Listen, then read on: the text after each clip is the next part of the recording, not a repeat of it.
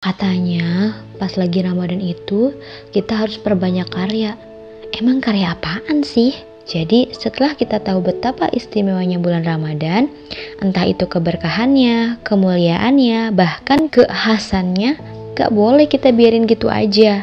Harus ada cita-cita yang kita letakkan di bulan itu. Apalagi kita cuma dikasih waktunya cuma satu bulan untuk memanfaatkan sebaik mungkin. Kita sadar waktu itu selalu berjalan, bahkan kadang membuat kita tertinggal. Ya, kita sering ngerasa waktu berjalan terlalu cepat bukan? Tiba-tiba udah tanggal sekian, sedangkan kita belum apa-apa. Sebenarnya waktu nggak pernah berjalan lebih cepat, ia berjalan dengan konsisten selama 24 jam. Tapi kitanya aja yang terlalu lambat lambat dalam berkarya dan memanfaatkannya. Makanya, kita selalu ngerasa kecolongan. Padahal, begitu banyak hal yang bisa kita lakukan dan hasilkan. Oke ya teman-teman, percaya nggak kalau hidup ini perihal membuat sebuah karya? Jadi Allah Subhanahu wa taala udah menyiapkan berbagai hal di alam ini yang bisa kita konsumsi. Tapi sedikit yang sadar untuk memproduksinya. Padahal Allah Subhanahu wa taala nunggu karya terbaik kita saat hidup di dunia. Udah melakukan apa aja? Udah seberapa banyak karya kehidupan yang kita buat selama di selama di dunia? Jadi di Ramadan inilah saatnya yang tepat untuk berkarya. Emang karya apa aja sih? Emang karya apa aja sih di bulan Ramadan? Tentu banyak banget teman-teman. Tapi ya pastinya setimpal dengan ujian dan godaan di bulan ini yang akan berkali lipat besarnya dibandingkan bulan yang lain. Makanya perjuangan kita untuk berkarya harus lebih besar dan pastinya tetap harus sesuai dengan jalur dan ridhonya. Hah, aku ngomongnya kecepatan ya. Tapi nggak apa-apa ya, dilanjut. Nah, jadi misalnya kita bisa menghatamkan Al-Quran nih ini yang sering kita azamkan dari kebanyakan orang sih nggak cuman kita nggak cuman aku aja. Mungkin kebanyakan orang kayak gitu ya. Jadi jangan ngira kalau yang namanya karya itu harus menghasilkan sesuatu yang sifatnya materi atau fisik. Ya misalnya berhasilin bikin buku gitu atau menciptakan lagu ya enggak harus seperti itu. Tapi karya itu sebenarnya adalah sebuah pencapaian yang positif dan bisa dibanggain. Terlebih kalau gak semua orang bisa mencapai hal yang sama pasti bikin bangga. Kayak menghatamkan Al-Quran selama satu bulan merupakan sebuah karya. Apalagi kita tahu kalau Al-Quran bukanlah buku biasa tapi juga kitab yang di dalamnya ada petunjuk bagi umat muslim. Begitu banyak keuntungan yang bisa kita dapat pas membacanya. Keren gak tuh? Jadi ada hadis ini mungkin bisa memotivasi kalian ya um, dari Abdullah bin Mas'ud bahwa Rasulullah SAW bersabda Barang siapa yang membaca satu huruf dari kitab Allah Subhanahu wa taala, maka ia mendapat satu kebaikan dan satu kebaikan dilipat gandakan menjadi sepuluh. Aku akan mengucap alif lam mim satu huruf tetapi alif satu huruf, lam satu huruf dan mim satu huruf. Hadis riwayat Artimiji.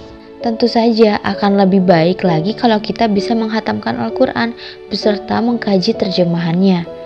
Soalnya akan lebih abdol kalau kita ngerti dan paham apa yang kita baca. Ya walaupun hanya baca aja gitu. Kita sudah mendapatkan pahala kok. Ingat, segala sesuatu yang menjadi karya yang bernilai jika niat kita itu karena Allah, bukan karena pengen cepat aja hatamnya. Upaya selanjutnya supaya Ramadan kita penuh karya adalah dengan tahajud. Hal yang satu ini emang sulit dilakuin, apalagi pada hari-hari biasa selain Ramadan.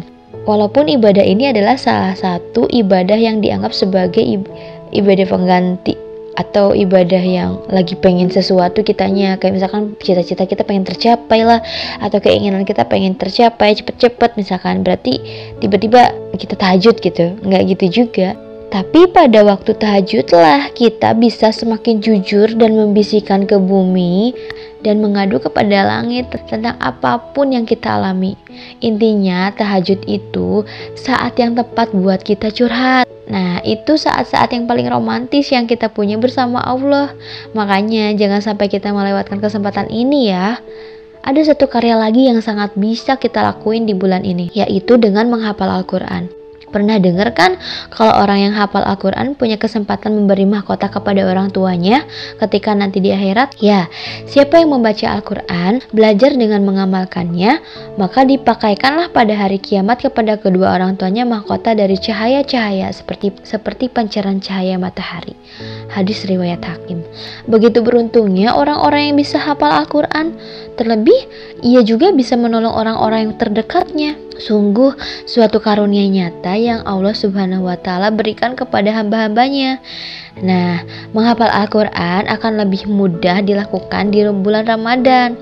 Karena di bulan ini kita dilatih untuk semakin dekat kepada Al-Quran dan secara alamiah menuntun kita agar menjauh dari kemaksiatan supaya hafalan kita nggak kabur gitu aja kayak hilang aja gitu soalnya ternyata kalau orang yang lagi menghafalkan Al-Quran itu perlahan akan melupakan hafalannya kalau ia banyak berbuat maksiat. Nauzubillah ya.